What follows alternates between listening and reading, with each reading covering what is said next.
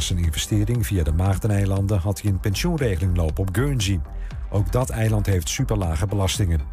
Hoekstra heeft het toegegeven in de Tweede Kamer, die alles wil weten over zijn financiële trucjes. Na weken van snelle daling neemt het aantal nieuwe coronagevallen weer wat toe, meldt het RIVM. Dat ziet ook het reproductiegetal iets omhoog kruipen.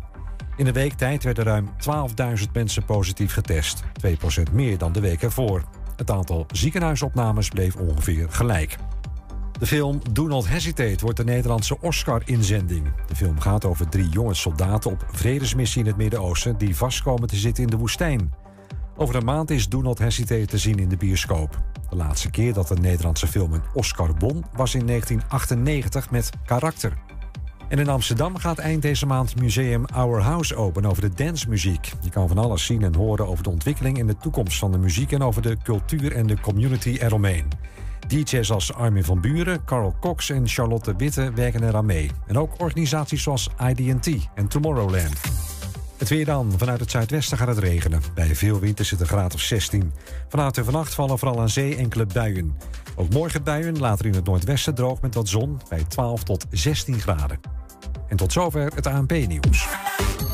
Thema beveiliging staat voor betrokkenheid, adequate optreden en betrouwbaarheid. Waar de concurrent stopt, gaat thema beveiliging net een stap verder. Thema Beveiliging levert alle vormen van beveiliging voor zowel de zakelijke als de particuliere markt. Thema Beveiliging, de beveiligingsorganisatie van het Oosten. Telefoon 053-4800-560 of stuur uw e-mail naar info.themabeveiliging.nl.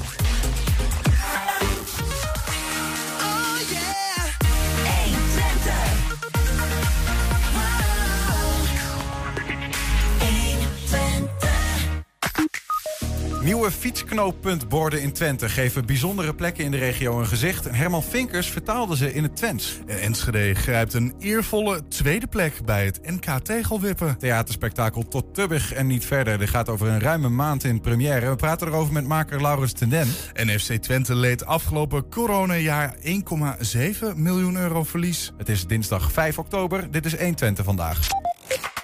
1 Twente. 1 Twente vandaag. Met de regenboogdagen willen we bewustzijn creëren dat het niet vanzelfsprekend is om te kunnen zijn wie je wilt zijn. Tijdens de activiteiten kun jij je volledig vrij bewegen en uiten. Zo omschrijft de organisatie de kleurrijke week die vanaf vandaag losbarst in Enschede. Het thema dit jaar is Twente houdt van jou. Ik praat erover met Marco Strijks, zeg maar LHBTI plus voorman eh, in Enschede. Marco, goedemiddag. Goedemiddag. Mag ik dat zo noemen? Nou, een beetje te veel eer. We zijn natuurlijk met heel veel mensen die, die echt uh, een voorvechter zijn voor uh, diversiteit en inclusie. Dus uh, ik ben nu toch op de radio. Wil ik ook graag iedereen een hele mooie internationale diversiteitsdag toewensen. Want dat is toevallig ook vandaag. Dat is het vandaag. Dat is, dat toevallig of is dat... Uh... Nou, dat is niet heel toevallig. Uh, uh, wij hebben vandaag uitgekozen om echt de regenboogweek te starten. En die duurt dan ook tot 11 oktober, de internationale coming-out dag. Mm -hmm. um, gisteren al een klein voorproefje, letterlijk aangebracht op het asfalt, vlak voor jouw werkplek. Ja. We hebben daar een, een fotootje van in Enske. Een, ja, Tubantia noemde het een Gebra-pad. Volgens mij is het geen zebrapad wat eronder zit. Nee, er staan stoplichten. En wat mij verteld is, is dat op het moment dat er stoplichten staan... dan mag het geen zebrapad meer zijn. En, en de, vooral een zebrapad is ook zwart-wit. En dat is natuurlijk veel kleurrijker. En dat hebben we ook veel liever natuurlijk met z'n allen. Alhoewel een aantal mensen daar iets anders over denken. Als ik de krant mag geloven. Maar dit is gewoon kleurrijk. Dit, dit staat voor verbinding. Uh, het is een warm welkom eigenlijk van iedereen die door de stad loopt en even naar Saxion toe komt. Is die van jou, jouw hand? Want het is voor, jou, voor jouw werkplek. Hè? Je, je werkt op Saxion. Uh, er is al heel lang sprake van. Uh, ik wil niet zeggen dat die van mijn hand is. maar Arjan Kampman en ik die hebben er wel heel vaak over gesproken. Ja. En ik ben ook heel erg blij dat de gemeente het initiatief heeft genomen om juist voor Saxion, vlakbij het ROC van Twente Mm-hmm. eigenlijk binnen de stadscampus van Enschede uh, het uh, Gebra-pad uh, neer te leggen. Is die blijvend?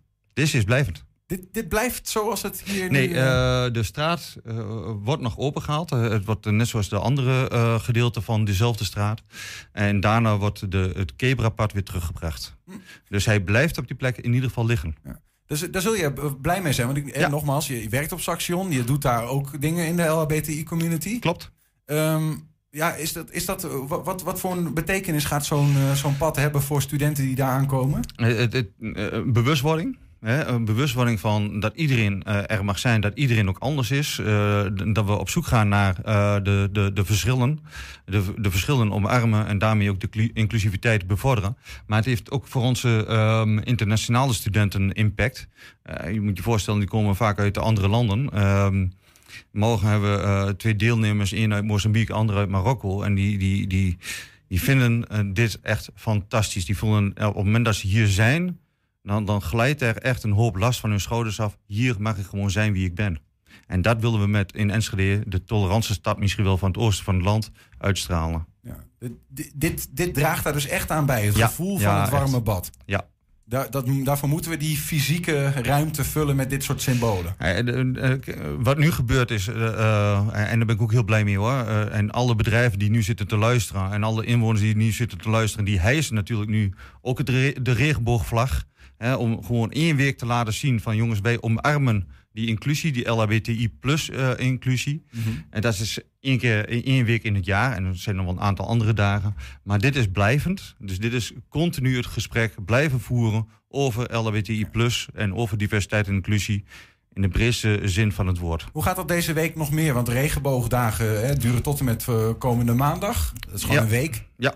eh, in Enschede. Dat, eh, ik dacht dat wordt afgetrapt met de eh, Pride Walk vanavond. Maar jij corrigeerde mij al even voor de uitzending. Je Ja. nee, ik moet straks als een speer door. Want vijf uur begint het eigenlijk al. Vijf uur eh, gaat Anke Mulder, voorzitter van het college van bestuur van Saxion, samen met Jun Nots, van de wethouder van onderwijs van de gemeente Enschede, die gaan samen de Regenboogweek openen. Nou, ik zei net al, het is International Diversity Day. Eh, we hebben daarna een Diversity Meetup. En dat is ook bij, eh, bij het. Dus aan de andere kant van het Epidrosgebouw. Wat in de kleuren gezet gaat worden. Eh, en vervolgens om 7 uur staat aan, het, aan de Emma Tromplaan. Dus ook weer op loopafstand. De Pride Walk. En dat is echt de, de, de officiële start. Het warme bad. Waar we met activiteiten die we deze week ingaan. Mhm. De- en wat is zo'n... Het is een vlag geregeld van 40 meter lang. eh, en die wordt door de stad heen gedragen. Er is een route uitgezet. En eh, eh, we starten op, op, op het schoolplein van, van Saxion. En van daaruit lopen we door de stad en dan komen we ergens terecht. En dan waarschijnlijk zullen we het feestje nog even navieren bij Stonewall. Ja, ja dus die, die, om ook weer die fysieke ruimte te vullen met die vlag als Ja. toonbeeld van tolerantie in Enschede. Ja, ja. En wat, en wat, want het is een hele week en Ja. er wo- worden alle activiteiten ontplooid. Eh, voor wie is dat eigenlijk? Is dat voor die, bijvoorbeeld die buitenlandse student die hier komt te ruiken aan het Enschedese leven? Of is het ook voor gewoon, ehm, nou ja, de, de man die al jarenlang Enschedeer is en zich misschien wel gewoon hetero voelt? Ja, juist die ook. Hè, eh, dat, dat zijn onze allies. Ehm, eh, wij, wij, wij, wij zijn zo inclusief mogelijk. Die, deze week is voor iedereen. Eh, er zijn een aantal activiteiten die zijn specifiek voor bepaalde eh, groepen. Bijvoorbeeld ROC van Twente die heeft een, een speciale avond waar alleen de studenten van ROC van Twente naartoe gaan. Universiteit Twente heeft ook een aantal van dat soort activiteiten. Morgen hebben we samen met ROC van Twente, Universiteit Twente en Saxion ook een, een dragshow. Eh, en daar eh, hetero, homo, lesbo, eh, ehm, non-binair, alles doet eraan mee. Maar ook het publiek wat komt, wat ik nu kan zien, hè, want je moet je wel even aanmelden op pride.saxion.nl. Kan ik al wel zien dat het niet alleen maar de LHBTI-community is. En daar ben ik wel heel erg blij mee, moet ik zeggen. Een dragshow, dat, dat, is, eh, dat zijn eh, de drag queens. De drag kings en drag queens. En dat doen we met studenten en medewerkers van de drie eh, onderwijsinstellingen. Om, te, om uit te dragen dat je eh, mag zijn wie je bent. En dat je ook dus eh, eh, uiting mag geven aan je eigen identiteit. Je genderidentiteit bijvoorbeeld. Ja, want wat is dat eigenlijk met die, met die drag queens? Hè? Ik woon zelf in de binnenstad van Enschede. Daar heb je Juliana's jurkjesparade in, met, de- met de Koningsdag. En dan treden ze ook op. En dan denk ik ook wel eens van ja, het is ook wel heel erg over de top. En volgens mij vinden zelfs de LHBTI-community dat zelf... ik bedoel, niet, mensen gaan niet zo over straat. Wat, wat voor een beeld is dat eigenlijk, dat drag queen? Ehm, ik moet heel eerlijk zeggen eh, eh, dat ik daar ook niet het juiste antwoord op weet. Ja. Eh, want het is een gevoel wat je uit wilt dragen. Maar dat zijn de professionele drag kings en drag queens. De mensen die morgen optreden, die gaan voor één avond of één dag eigenlijk over de top. Die zitten morgen echt de hele dag in de smink. Mhm. Om vorm te geven aan, aan iets waar ze voor staan. Het uitdragen van je eigen, identiteit. En dat wil niet zeggen dat deze mensen die mogen meer doen... eh, eh, volgende week weer in een jurk of in een pak eh, naar het werk gaan. Ik weet wel dat er nu morgen ook collega's zijn... die als crossdresser na, na- wel naar het werk gaan... om dat gesprek ook in de klas te gaan voeren. Ja, dus het is ook echt om een, toon, ja, een, Ja. een statement te maken Ja, misschien wel. ja, van dat je mag zijn wie je bent. Precies, we hebben internationale studenten die echt zeggen... in ons land mag het niet, hier mag het wel. Dus ik laat ook zien dat wij het hier omarmen.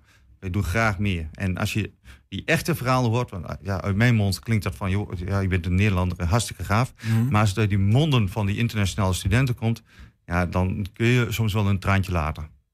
Hoe is het eigenlijk voor, voor jouzelf? Was het voor jouzelf? Was zo'n zo'n regenbogenweek in ja, de tijd dat je misschien zelf nog worstelde met je identiteit? Ja, ik weet niet of dat er ooit is geweest. Was het goed geweest? Dat was heel goed geweest, denk ik. Ja. Dan was het, eh, eh, dan, dan was het gesprek makkelijker geweest met, eh, met ouders, met familie, met vrienden. De angst dat, dat je vrienden verliest is dan veel minder. Hè? Want nu, nu ga je met je vrienden naar zo'n evenement toe. En achteraf kun je zeggen van, hey, weet je wat, Eh, ehm, ik val toevallig ook op jongens. En dan weet je zeker van, hey, we hebben een leuke avond gehad. Als ze me nu laten vallen, ja, dat zijn toch geen echte vrienden. Maar dat, dat wist je toen niet.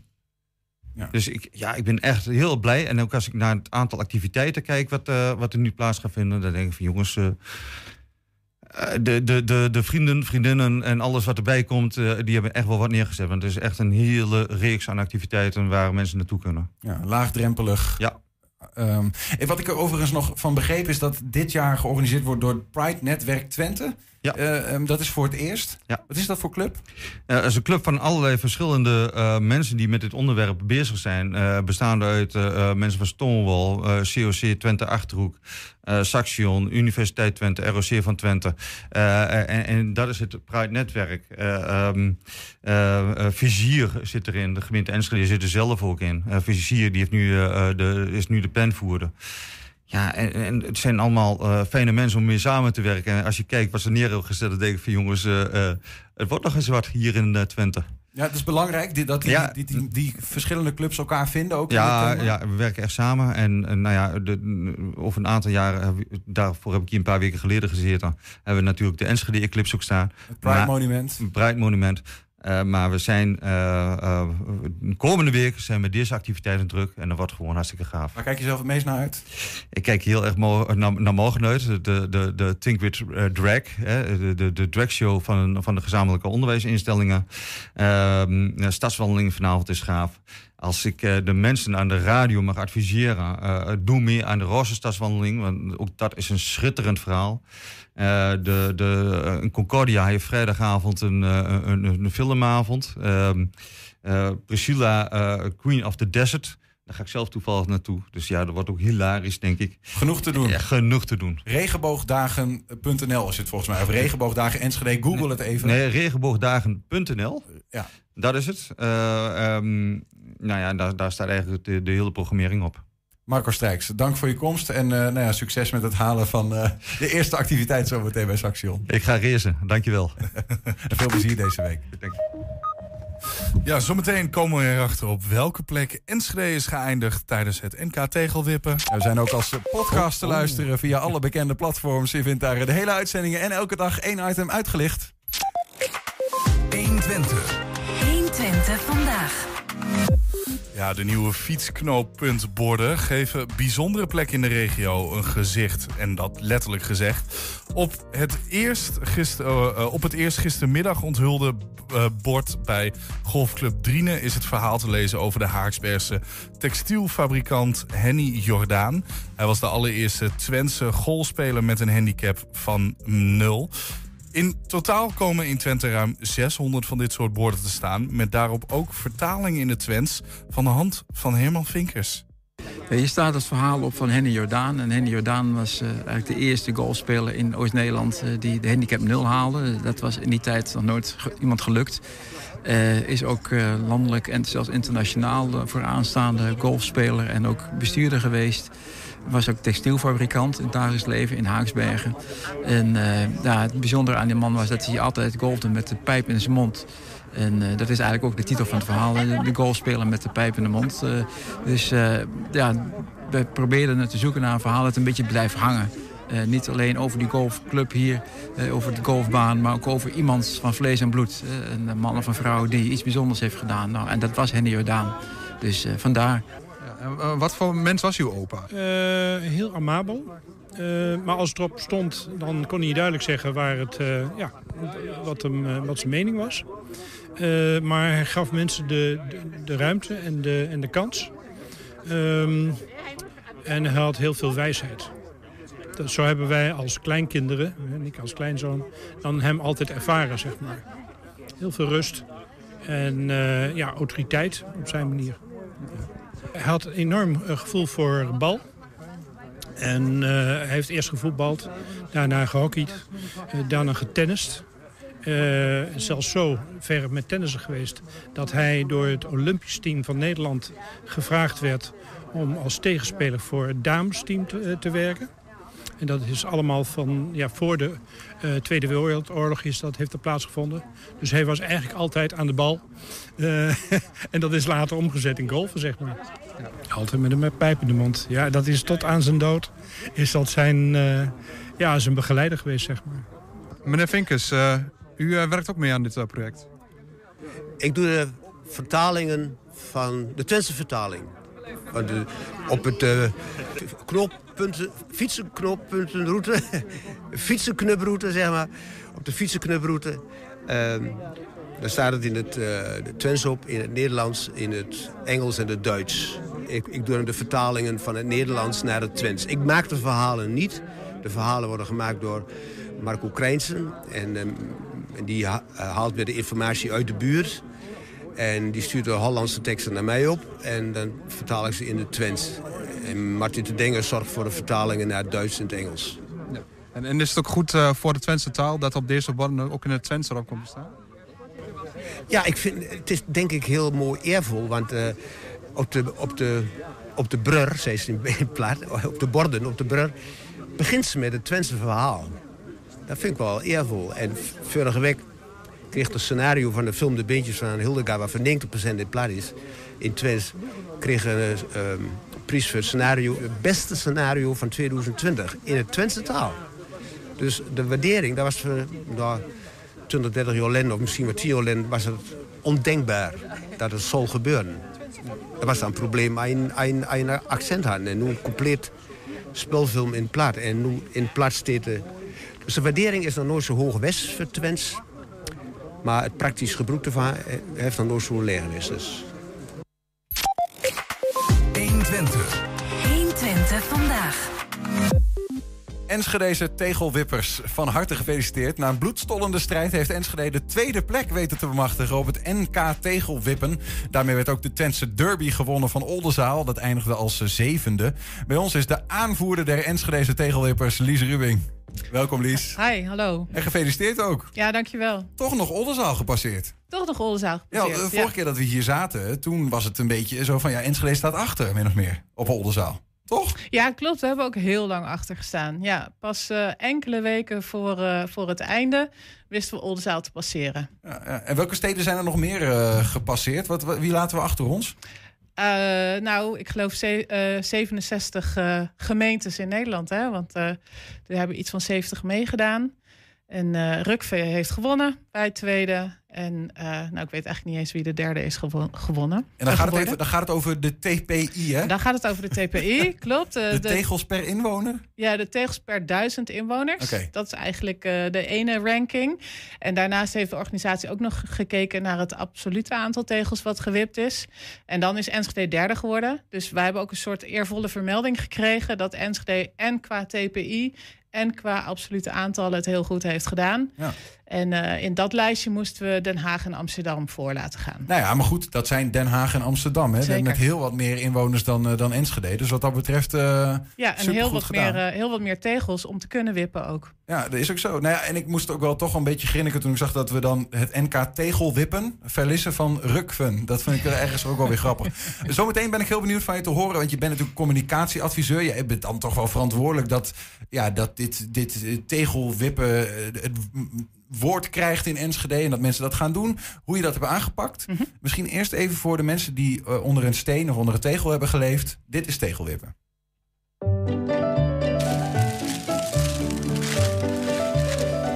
Ja, want we zaten al een tijdje te puzzelen hoe kunnen we meer groen maken bij ons in de straat. Eh, en vooral hoe kan dit saaie stuk nou, wat minder saai worden. En ook wel een beetje te zoeken van oké, biodiversiteit moet gewoon omhoog. De vogels en de bijtjes worden steeds minder. Dus ik dacht, laat ik het goede voorbeeld geven en zelf beginnen. Komt een mannetje langs van de gemeente en die gaat kijken of het kan. Dus of je stoep breed genoeg is. eh, nou, of de buren er geen last van hebben, denk ik. En dan maak je een paar afspraken hoe het eruit gaat zien. En dan eh, kun je aan de slag. Nou, ik had instructies gehad van het gemeentemannetje... dat ik eh, één tegel breed mocht ik bij deze stoep dan verwijderen. En hij gaf mij ook de tip om dan de tegels die je eruit haalt te gebruiken als randje. Dus dan moet je even graven en puzzelen dat het de gelijke hoogte is. En ja, het is vrij recht geworden, vind ik. Dus ik kan nu, eh, kan nu aan de slag. Dus eh, ik heb alles gekocht en ik ben aan de slag gegaan. En ik hoop dus dat heel veel mensen volgen. Deze is een rozenstruik. Lijkt me wel super gaaf wat je ook wel gaaf nou ja, in een Utrecht of een Amsterdam ziet. Dat het mooi zo helemaal om je huis kan gaan groeien. Ik heb nog een lavendelplantje gekocht. En die is ook heel fijn voor de, voor de insecten. Dus dat was een beetje de zoektocht. Waar ga je dan eh, je tuintje mee volzetten? En ik heb misschien wel eens een blauwe maandag mijn ouders in de tuin geholpen. Maar dit is toch wel voor het eerst dat het echt in de buurt komt van.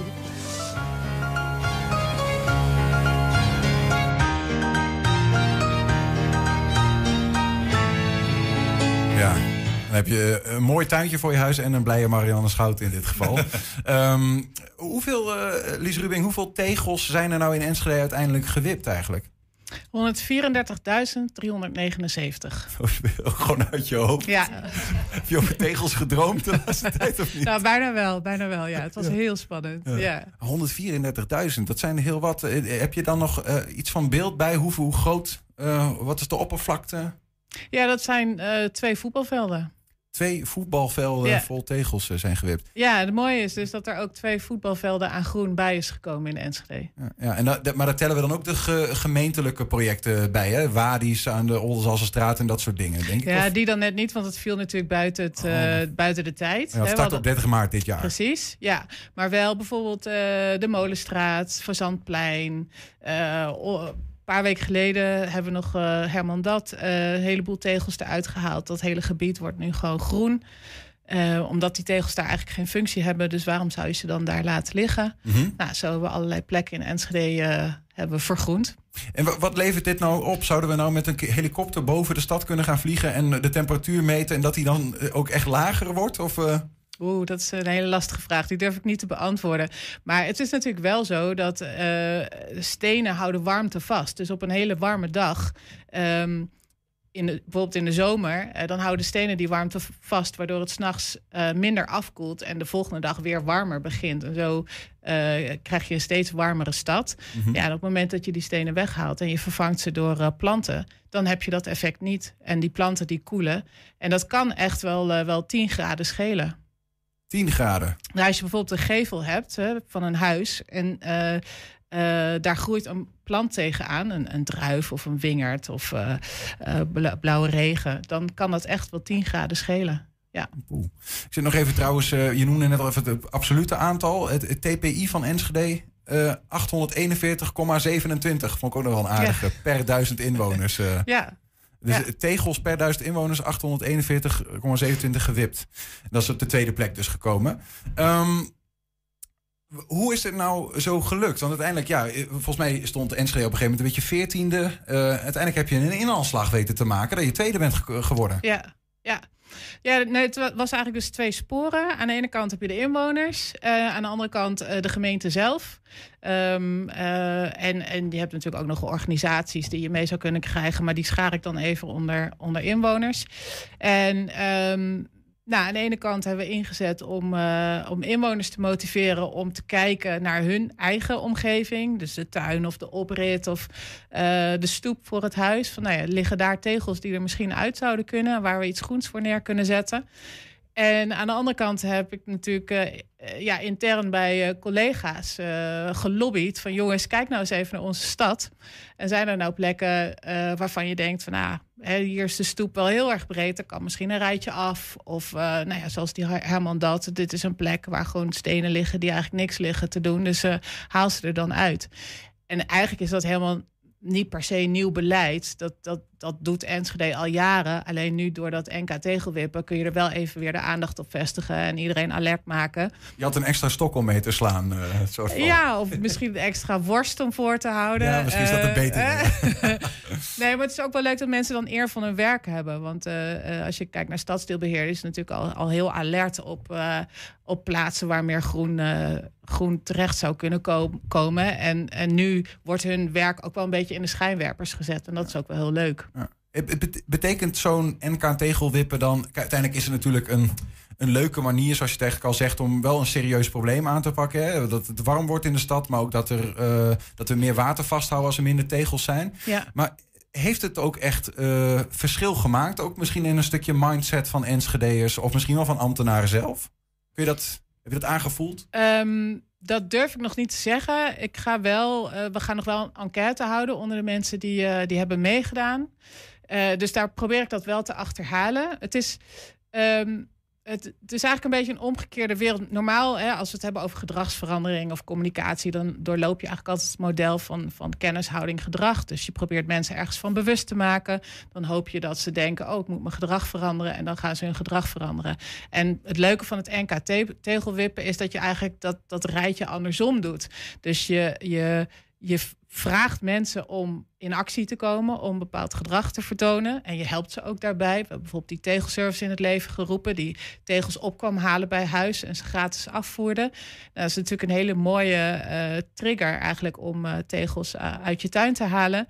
Dus je, je voert bepaald gedrag uit en naar aanleiding daarvan ga je nadenken over, ja, maar wat heeft er nou eigenlijk voor gevolgen en waarom heb ik dit gedaan? En, en word je je bewust van, nou ja, hopelijk het veranderende klimaat. En dat het goed is om, uh, om meer groen in de stad te hebben. Met best veel succes. Een, een, een voorbeeld uh, ook van nou, het project Zo Groen, wat jullie uh, als gemeente ook hebben gedaan. In uh, Lasson de Zegelt was dat, pakte dat heel goed uit in Enschede. We hebben een voorbeeld van nou ja, iemand die daar eigenlijk zelf nou ja, de handschoen op heeft gepakt. We zijn hier voor het Gevelteuntjesproject in, in de wijk. Uh, ik heb samen met uh, buurvrouw Lammy Pruntel uh, hebben we het project gestart om in de eerste week de gevelteuntjes te realiseren. En uh, tot nu toe hebben we 65 mensen uh, bereid gevonden om daarin meer te doen. Eerlijk toegeven, we waren zelf nooit op het idee gekomen. Maar toen we het hoorden dachten we van nou, dat is wel uh, in deze buurt denk ik heel goed om een beetje natuur toe te voegen. Vooral natuurlijk voor ons heel leuk is, is dat er een beetje kleur wordt aangebracht. Het zijn natuurlijk allemaal best wel nou, niet simpele huizen, maar toch ja, verschillende bakstenen. Maar meer is het ook eigenlijk niet echt. De achtertuintjes zijn natuurlijk helemaal niet zichtbaar. Dus het is, uh, ik vind het qua beeld heel leuk om een beetje kleur toe te voegen. Gezellige plantjes, het geeft toch uitstraling. En gelukkig doen heel veel mensen mee. Ik had niet verwacht dat er zoveel mensen mee zouden doen. Maar ik zie overal uh, geveltuintjes. En ik denk dat het voor een buurt die dicht bij de stad zit leuk is om iets meer natuur te uh, kunnen toevoegen. Ja, zo hoor je dat uh, van die inwoners, dat ze het leuk, leuk ook vinden. Het, het ver, verkleurt de stad ook op die manier. Uh, nogmaals even 134.379 wippeltegels in heel Enschede in het afgelopen half jaar dat die challenge is gehouden. Heel wat. Um, wat, wat, wat wint nou eigenlijk, want Rukven is ons net voor. Wat winnen zij eigenlijk? Uh, zij hebben de Gouden Tegel gewonnen. De Gouden Tegel? De Gouden Tegel. Geen journalistieke prijs in dit geval. Nee, nee, ja, nee, nee. Gewoon de gouden, echt een, stoep, een gouden stoeptegel. En Enschede als runner-up? Underdog? Nou, volgens mij alleen maar de eer. Oh, nou ja. Daar moeten wij het dan maar weer mee doen. Ja, ja, ja. ja, Nou ja, En natuurlijk de uitdaging om te proberen om daar volgend jaar overheen te komen. Want het wordt gewoon weer, uh, volgend jaar keren we weer in... Uh, nou, terug. Als er weer een NK tegelwippen wordt gehouden, dan, uh, dan durf ik nu al wel te zeggen dat Enschede meedoet. En ik hoop eigenlijk ook dat wij al onze Twentse collega-gemeentes ook zover kunnen krijgen dat we gewoon als Twente met z'n allen mee gaan doen uh, aan het NK tegelwippen. Dit jaar was er nog wel even die strijd, toch? In Twente, want tussen Oldenzaal en Enschede. Enschede ja. heeft hem uiteindelijk dus uiteindelijk gewonnen. gewonnen ja. Krijgt nog wel iets, begrijp ik, van Oldenzaal. Ja, klopt. Ja, morgen uh, gaat uh, de wethouder van Oldenzaal um, de officiële derbyprijs. Wat het is, Dat uh, zullen we morgen zien. Uh, overhandigen aan onze wethouder Jurgen van Hout. Een normale tegel. Geen ja, ik weet het niet. Wie weet. Ja, of een plantje of zo. Nee, geen idee. Op neutraal grondgebied begreep ik in Rijssen. Ook nog. Ja, ja zeker. Ja. ja. Hey, Lies, dankjewel voor je komst en uh, voor een mooi project. En nou ja, succes om die, dat vergroenen van NC verder voor te zetten. Dankjewel. Dankjewel. Ja, zometeen. Uh, FC Twente leed afgelopen coronajaar 1,7 miljoen euro verlies. 120. 120 vandaag. De repetities van het theaterspektakel Tot Tubberg en niet verder. Even vertaald, Tubbergen tot Tubbergen en niet verder zijn in volle gang.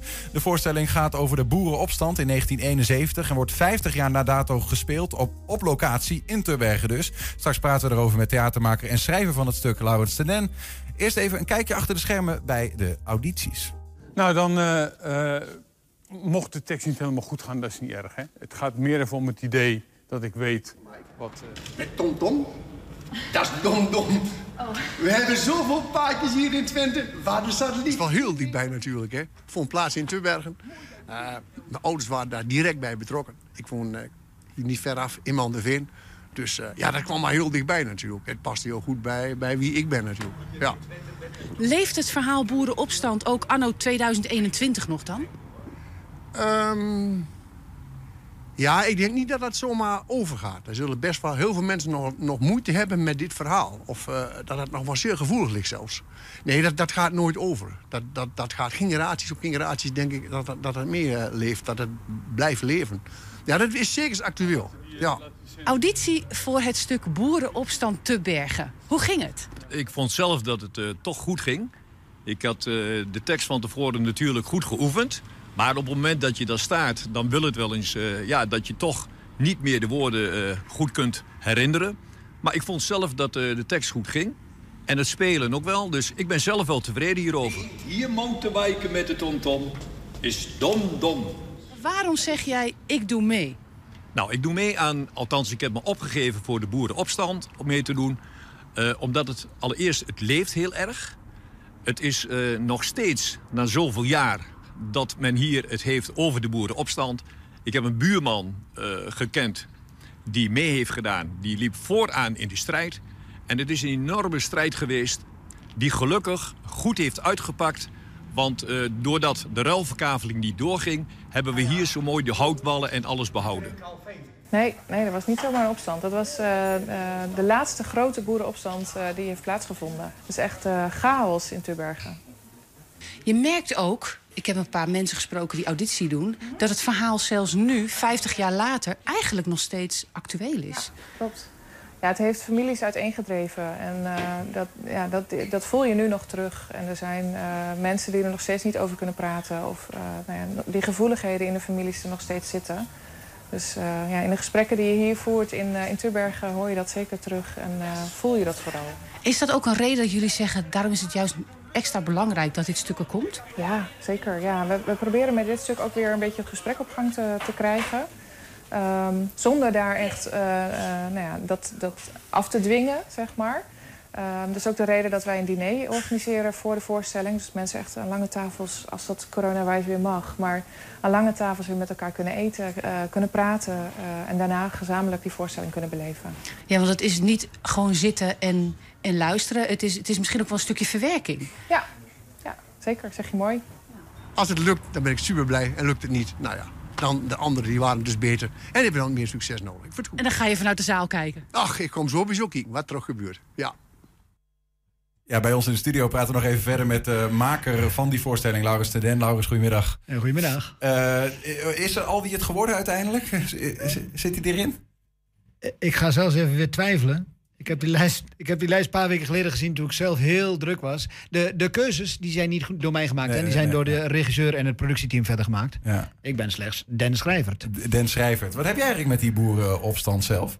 Um, nou ja, ik heb wat met de boerenstand. Omdat dat ook mijn afkomst is. Uh, ik heb veel over de boerenopstand toen gehoord van uh, familie van mij. Die in Vleringen woont, Tilligde woont. Die kennen het allemaal. Uh, dus, uh, en ik weet ook van mijn zwager, die, die zei me nog een keer. Um, zijn vader die sprak een keer met iemand, had hij nog nooit meer gesproken, op een bruiloft. Dus mijn zwager zei tegen zijn, zijn vader... Waarom praat je met den, den mag je toch niet? Och, dan kun je er op zich wat bij hem. Hebben we het over 20 of 30 jaar na de opstand. Oh ja. voor, voor het eerst weer op een bruiloft een goede dag gezegd tegen die man. De ene was ooit voor en de andere ooit tegen. Want even, help ons even voor die mensen die echt totaal geen idee hebben wat voor een boerenopstand dit was. Want we kennen nu opstand van boeren. Het lijkt wel een beetje, toch? In die zin. Ja, ja en nee. Ehm, eh, op dit moment zijn gelukkig de wetten niet zo vooroorlogs. Want dat heeft eh, het vuur in de pan doen slaan. Ehm, eh, een ruilverkaveling is altijd opwinding. Want als je goede gronden hebt, wat krijg je daarvoor terug? wat moet je afstaan? word je er beter van? Word je er slechter van? Ja, dat betekent eigenlijk, als ik een stuk grond heb... wat misschien wat verder van mijn boerderij af ligt... dan wordt dat me soms aan een andere boer geschonken... en ik krijg er weer iets anders voor terug en ik weet niet wat. Ja, het is de echte bedoeling, bedoeling van een, een herverdeling. Alles wat door overerving en zo allemaal in kleine stukjes is gekomen... en ver, weg, ver weg. Plus, uh, wat daarbij zit, is waterhuishouding, heel erg belangrijk. De natte zandwegen waar je niet meer doorheen komt met je groter wordende trekker. Uh, om dat allemaal te verbeteren. Maar uh, dat moet je in een soort van een democratie doen. Hè? de wet van de uiteindelijke stemming was dat iedereen die wat rechten had, die mocht stemmen. Dat betekende dat er gigantisch veel mensen een klein lapje grond hebben, maar geen boer zijn. Of door het Saksische erfrecht heb je eigenlijk nog rechten. Maar die rechten heb je aan je oudste broer overgegeven, want die moet de boerderijen runnen. Maar je hebt nog rechten. Iedereen kreeg een oproep. En als je niet kwam stemmen, was het een stem voor. Dat betekent dat alle tegenstemmers van tevoren kansloos waren. Voor de ruilverkaveling? Ja. ja. Dus als je tegen was, was je al kansloos. Dus dat was ver van democratisch. En dat heeft ervoor gezorgd dat, dat de vlam in de pan is geslagen. Ja, want er waren allerlei mensen die nog ergens een lapje grond hadden, daar niet van wisten, ook niet gingen stemmen, maar die stemden dan voor. Er zijn, en zelfs uh, een, een, een kloosterzuster uit uh, Brazilië, zou ik maar zeggen, kreeg nog een, uh, kreeg nog een papiertje. Er zijn zelfs overleden mensen die een, een oproep hebben gehad. Ja, ja, ja, Nou, en daar is nog iets aan de, aan de hand, wat ik, wat ik ook zeer interessant vind. Want bij dit soort verhalen zoek je ook altijd naar, naar waarom gebeurt dat hier? Waar is het aard van Besi? En hier in, in Twente hebben we door eeuwen overheersing, uh, textielbronnen, herenboeren, bisschop, uh, nog, nog iets langer terug waren er overal uh, legertjes van verschillende mensen. We hebben geleerd om jojo te zeggen en niet nee. Want als je nee zegt, ben je aan de beurt. Dus kun je maar beter jojo zeggen en dan een beetje, beetje je eigen gang gaan. Mm -hmm. Dat zit in ons, in ons systeem. Um, maar als je een Twentse boer aan zijn grond komt en aan zijn grond recht, dan kan er ineens een keiharde nee achteruit de hals komen. Nou, en dat gebeurde daar in Tubbergen. In één keer sloeg de vlam ons volledig in de pan. Ja. En, en dan moet je ook even voorstellen, het was, um, zo, als je de documentaires ook ziet, er is een, um, er is een prachtige documentaire over gemaakt, uh, twintig jaar na de tijd toen, geloof ik. Dan zie je uh, echt nog wel een andere tijd. Want dan zie je een soort van barricades opgeworpen. Dan staan politieagenten op een barricade. Dan wil een politieagent met een megafoon iets zeggen. De boeren gaan natuurlijk schreeuwen. Waardoor een andere politieagent een pistool pakt en in de lucht schiet. Ja, dat moet je bij die, die boeren niet doen. Hoezo een pistool? Hè? Dus dan, dan komt er een boer die komt er met een giertank en die, die, die trekt de giertank open. Dat was een beetje de Farmers Defence Force uh, avant lettre. Um, ja, dat lijkt er eigenlijk heel erg op dat ja. moment wel. Ja, ja. Wat, wat, wat, was eigenlijk het probleem voor die, voor, die, voor die boeren? Wat gebeurde daar in die boerenfamilies de, als, toen die ruilverkaveling uiteindelijk ging plaatsvinden? Nou, dat is ook dat is waar, waar mijn verhaal dan over gaat. Mijn verhaal gaat eigenlijk voornamelijk over de nasleep. Want 50 jaar na tijd ligt dit nog steeds gevoelig bij heel veel mensen. Er zijn nog steeds mensen die hier liever over zwijgen, die liever niet hebben dat dit opgerakeld wordt. Wij als, als makers vinden, ja, je moet hier juist over praten. Er zijn heel veel goede dingen gebeurd, er zijn slechte dingen gebeurd. Niemand is trots op de rellen. Aan de andere kant is wel de democratie geholpen, want de wet is aangepast. Dankzij dit is er, is er een betere wet gekomen. Um, plus wijsheden veranderen in de jaren. Als je toen, er zijn mensen die toen uh, uh, valikant voor waren en die nu zeggen, oh, dankzij de ruilverkaveling hebben we nog een redelijk mooie uh, coulissenlandschap hier in Tubbergen. Er zijn mensen die toen tegen waren, die later hebben gemerkt zo van ja, nu lopen we een beetje achter in de, in de vooruitgang. Of nu moeten we meer betalen om onze waterhuishouding op peil te hebben. Um, um, um, waarheden zijn, zijn tijdelijk en om, uh, uh, omstandigheden afhankelijk. Ja, natuurlijk. En ja. daar moet je met z'n allen over kunnen hebben. Niemand heeft fout gedaan dat er, dat er rellen zijn geweest en dat er een brandboom is gegooid bij de burgemeester, dat er zelfs uh, politieagenten verwond zijn geraakt en zelfs iemand een messteek heeft gehad, Mhm. dat is schandalig. Daar, is- daar schaamt iedereen zich voor. Er is nooit boven water gekomen wie dat heeft gedaan. Eh, ehm, dat is iets wat, wat we met z'n allen eigenlijk liever begraven. Maar dan moet je ook zeggen, ja, dat kan dus gebeuren als je zo wordt aangepakt en zo tegengaat. Ja, ja, ja, ja. Dat gevaar. Het is goed om, goed om over te praten, toch? Ja, want, ja, zeker. Nee, maar ik begrijp ook dat die, dat die, eh, die verhalen ook helemaal niet zoveel verteld werden. Dat het verhaal van die hele boerenopstand helemaal niet zo heel er bekend is iets en het past ook wel bij onze aard om dan dingen, dingen er maar niet over te hebben. Dat, dat, dat ligt ook een beetje in het uh, naberschapachtige. Als je. Hand als je boven het ru- ja, als je ruzie met je buurman hebt, je moet wel. Het blijft je buurman. Ja. Dus op het moment dat je moet hooien, moet je wel samen doen. Of je moet de buurman overslaan en met de buurman verderop samen gaan hooien. Hoe kwam jij er dan aan? Want jij hebt die voorstelling geschreven. Was het makkelijk om achter die verhalen te komen? Ja, er, er is wel. Er, ehm, ehm, eigenlijk, eh, er zijn prachtige persoonlijke verhalen. Maar de pers heeft er ook destijds wel veel over geschreven, omdat het wel uniek was wat hier gebeurde. Dus er zijn eh, eh, voldoende artikelen die de boel beschrijven. Het is een prachtige documentaire. En ehm, je kunt nu in Tilburg ook al een expositie zien... die echt heel mooi materiaal eh, laat zien en laat horen. En ook de eigen verhalen. Want dat is wat we nu meer naar voren willen halen, ook met deze voorstelling. Want de voorstelling is niet het belangrijkste. Het feit dat we hier met z'n allen weer ruimte aan geven is belangrijker. Dus een voorstelling is ook maar een middel. Ja, want dat is goed om te noemen. Gemeente Tubbergen heeft dit jaar eigenlijk tot al dit hele jaar eigenlijk uitgeroepen tot een jaar van nou ja, herdenking of opnieuw nadenken over die, wat daar gebeurd is en ook wat het nu nog betekent. Ja, ja. Ja. 50 jaar na dato. Dus er zijn overal kleine initiatieven ook. En ehm, eh, je, je kunt dus ook op sommige plekken dan een fietsroute en dan kun je op een bepaalde plek zie je dus echt het lokale verhaal. Dus niet dat wat al in de krant stond, maar gewoon van een familie. Wat gaan we zien eh, als het gaat om tot Tubbergen niet verder? Wat, wat voor voorstelling wordt dit? Moeten we een beetje het verzet kraakt-achtig denken? Of Zo'n theaterspektakel met eten erbij? Of wat? Ja, ja, wij vinden het weer belangrijk. Dat vonden we bij het Verzet Kraakt ook. Als je zo'n thema hebt, wil je mensen aan tafel. Eh, eh, zodat de gesprekken rondgaan. Eh, dat doen we weer. Ehm, dit is van net iets mindere grootte dan het Verzet Kraakt. En het verhaal, ik heb een familieverhaal geschreven. Eh, eh, dit onderdeel zat ook in Hanna van Hendrik. Ik heb Hanna van Hendrik vertaald. En toen ik de, het script kreeg om te vertalen, dacht ik... Oh, eh, de, de, de, de, boerenopstand, daar hebben wij al lang eh, contact over met de gemeente Tubberg om dit stuk te maken. Shit, dat zit ook in Hanna van Hendrik. Maar daar was het een bijverhaal. Daar, Ja, zie, je, ja. daar zie je boeren met, met hooivorken die dan zeggen tegen, tegen. Ik heb een familieverhaal gemaakt ook om niet, ehm niet documentaire-achtig verhaal te doen. Want kijk dan de documentaire. En er is prachtige achtergrondinformatie. Lees die achtergrondinformatie. Bij mij is een, eh, een jonge vrouw die eh, zwanger wordt en denkt: hoe kan ik nou moeder worden als ik mijn moeder niet eens ken? En de moeder komt ergens uit Twente.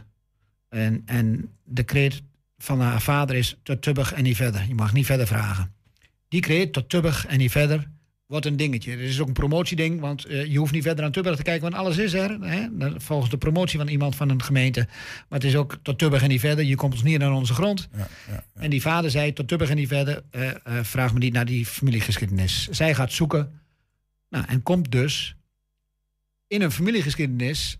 En krijgt de aard van haar moeder en de aard van haar grootouders mee. En die aard loopt parallel met hoe ze gereageerd hebben op, Die eh, boerenopstand. op de boerenopstand. En zo krijg je dat verhaal mee. Wanneer kunnen we in Tubberg terecht voor het eh, geheel? Voor het, eh, voor het spektakel? Wanneer Nou ja, je moet, je moet sowieso nu snel zijn, want de verkoop gaat kei en kei en keihard. Er is een, er is Ook een- gewoon alweer. Ik bedoel, dat is bij al die Twentse producties het geval, toch? Dat is bij de meeste stukken inderdaad het geval. En bij deze is het, was het eigenlijk al... Ik was nog niet halverwege het schrijven... en ik hoorde dat, er, dat de eerste voorstelling al uitverkocht was. Oh, oh. Ehm, het is een onderwerp dat, dat spreekt aan. En ja, dus je moet e- echt wel snel zijn ehm, ehm, bij die kaarten. En dan, ik durf even uit mijn hoofd... 12 november. 12 november, dankjewel. 12 november is de première. En dan spelen wij tot aan 21 december. Want dat was de dag van de opstand. Dus 12 november tot de dag van de opstand spelen we voorstellingen. Zorg dat je erbij bent. Tot Tubberg en niet verder. Ga even googlen en dan vind je vast een website waar je kaarten kunt kopen. Laurens ten Den, dank voor je komst, eh, voor, het, eh, voor het verhaal. En eh, nou ja, veel plezier met toeleven naar die première. Yo! Ja, straks de column van Tonne Ouwehand. En heb je een tip voor de redactie? Mail ons even info apenstaatje 120.nl. 120. 120 vandaag. FC Twente heeft in het afgelopen seizoen een nettoverlies geleden van 1,7 miljoen euro. Dat meldt de club in de jaarrekening. Een jaar eerder werd nog een netto-winst van bijna 4 ton gehaald. En toch valt het verlies mee, zegt financieel en operationeel directeur Martijn Hoogstoevenbelt tegenover RTV Oost. Ik denk als je kijkt naar uh, ja, vorig jaar, uh, toen corona haar intrede deed en wat de verwachtingen waren, ja, die waren natuurlijk een stuk uh, ja, negatiever dan wat uiteindelijk nu de uitkomst is. Dus uh, ja, met, met een verlies van 1,7 miljoen is het allemaal te overzien, laat ik het zo zeggen. Ja. Welke impact heeft corona wel gehad? Ja, verder gewoon groot. Ten eerste op, het, op het personeel. Uh, vorig jaar hebben we een reorganisatie moeten doorvoeren. met name bij meeting en events. dus dat is voor ons ook wel gewoon de meest pijnlijke impact ook gewoon geweest. Ja, en, uh, ja, en over het algemeen, ja, we hebben een stadion in eigen beheer. Uh, we zijn afhankelijk van publiek. dus ja, geen wedstrijdrecettes, sponsorinkomsten, die zijn gehalveerd bijna. En ja, als je ook kijkt naar de horeca met name. ja, daar hebben we echt wel, dat heeft echt wel een mokerslag is dat gewoon geweest voor ons. Ja. Toch zeg je het valt mee. Waar zitten dan de meevallers? Nou, de, de, de belangrijkste eh, component is, ten eerste laat ik daarmee beginnen, is de, de loyaliteit en de betrokkenheid hè, van de supporters van de sponsoren. We hebben al met al uh, ja, 2,3 miljoen hebben we niet hoeven te compenseren. is feitelijk een gift geweest hè, van, van die groep, die twee groepen. Ja, dat is ongekend. Ik moet erbij zeggen voor degene die het kon. Hè, want er zijn natuurlijk ook mensen en bedrijven uh, die het wel wouden, maar simpelweg ook gewoon niet konden doen. Maar de groep die het wel kon doen in ieder geval, ja, die hebben ons daar ontzettend mee geholpen. Want het zijn dus mensen die hebben betaald voor, voor 17 thuiswedstrijden. Ja, ja. Uh, die, die konden er maar één of twee bezoeken. Ja, precies. En die hebben gezegd, ik hoef geen uh, geld terug daarvoor te krijgen. Ja, precies. Kijk, en dat, dat, is, dat is ongekend. En dat hadden wij vorig jaar natuurlijk ook al, hè, met die laatste vier thuiswedstrijden. maar dat ze dat dit seizoen weer hebben gedaan, ja, ik, ik, daar zijn we gewoon trots op. En heel erg dankbaar zijn we daarvoor. Uh, maar dat is wel een, een, belangrijke factor geweest. En uh, de tweede is natuurlijk uh, ja, de, de, steunmaatregelen die de overheid heeft geboden. in de zin van de NOW en van de tegemoetkoming vaste lasten. ja, dat heeft er ook voor gezorgd dat wij een, een, minder groot verlies hebben moeten verantwoorden dan wij aanvankelijk dachten. Dus dat zijn eigenlijk de twee belangrijkste factoren. Ja. ja, want een jaar geleden maakten jullie echt zorgen over, over hoe, het, hoe het zou gaan. Ja, ja klopt. Kijk, uh, het, is, ja, het is ongewis. Uh, en dat, dat hadden heel veel uh, ja, ondernemers en, en, instellingen, et cetera. niemand wist exact ja, wat de impact zou zijn. Ook hoe lang het zou duren, zeg maar, in welke vorm. We hebben daar heel veel scenario's hebben we daar ook op losgelaten. ik moet zeggen dat wij ook, ook altijd in ons scenario... en ik wil niet zeggen dat we Nostradamus zijn in dat opzicht... maar we hebben altijd gezegd, laat maar eens uitgaan van, van beperkt publiek in het nieuwe seizoen. En vanaf 1 oktober volledig publiek. En dat was ook echt noodzakelijk. Dat had ook niet langer moeten duren. Want dan kun je het simpelweg als club zijnde... Ja, dan overleef je dat uh, bijna niet. En, uh, dus ja, gelukkig, en daar zijn we ook heel erg ja, blij mee. En dat, het, ja, dat er nu in ieder geval weer ja, sprake is van het toestaan van volledig publiek. Nou, wel met ja, de nodige maatregelen. Maar ja, dat heeft ons wel, in ieder geval, daardoor zijn de vooruitzichten wel gewoon een stuk positiever dan ja, pak en weten uh, drie kwart jaar terug. Ja. ja, want een jaar geleden zei je ook seizoen 21-22, seizoen waar we nu mee bezig zijn, dat wordt cruciaal. Ja. Maar dat ziet er dus goed uit. Ja, ik, wij zijn daar op zich zijn we daar wel tevreden over. Als we kijken nu naar de vooruitzichten. Kijk, uh, uh, als je kijkt naar, naar de prognose die we ook hebben ingediend bij de KNVB... die ook is getoetst door onze accountant... Uh, dan, uh, dan, verwachten wij dat we daar nou, rond, rond een, een, half miljoen verlies, zoals het er nu naar uitziet, zeg maar, uh, zullen gaan verantwoorden. Maar je moet zeggen, de eerste paar maanden nu in het nieuwe seizoen, als je kijkt naar het publiek, als je kijkt naar ja, de, de beleving, als je kijkt naar de sponsoraanvragen op dit moment, alle, alle staan op groen. Het is eigenlijk boven verwachting. dus daarmee kunnen we ook wel de uitspraak doen dat we ja, echt, echt zwarte cijfers zullen gaan en moeten gaan schrijven in ieder geval. Ja. Maar nog niet zo, gek, uh, niet zo gek lang geleden was er een vrij negatief sentiment rondom FC Twente. Is dat helemaal veranderd? Ja, vinden wij wel. Dat merk je overal. Dat merk je al wel een tijdje. Dus rust, stabiliteit. Uh, dus, weinig roering op dit moment. Ja, gezonde roering zeg ik altijd. Maar uh, nee, er, is gewoon rust en stabiliteit. sentiment is goed. Dat zie je ook wel bij grotere sponsoren. Dat, dat, ze op, die reden dan ook weer ons ja, willen gaan binden. We hebben twee belangrijke stersponsoren alleen al kunnen contracteren hè, met Unive en met GGM Gastro. Maar tussen de regels door weet je ook dat dat een, een ja, een, rol van betekenis speelt in ieder geval bij ja, zo'n zo'n zo'n samenwerking. Dus dat is, dat is positief.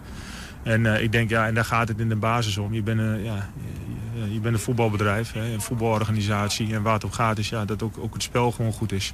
Dat mensen zich kunnen identificeren zeg maar, met spel, met spelers, et cetera.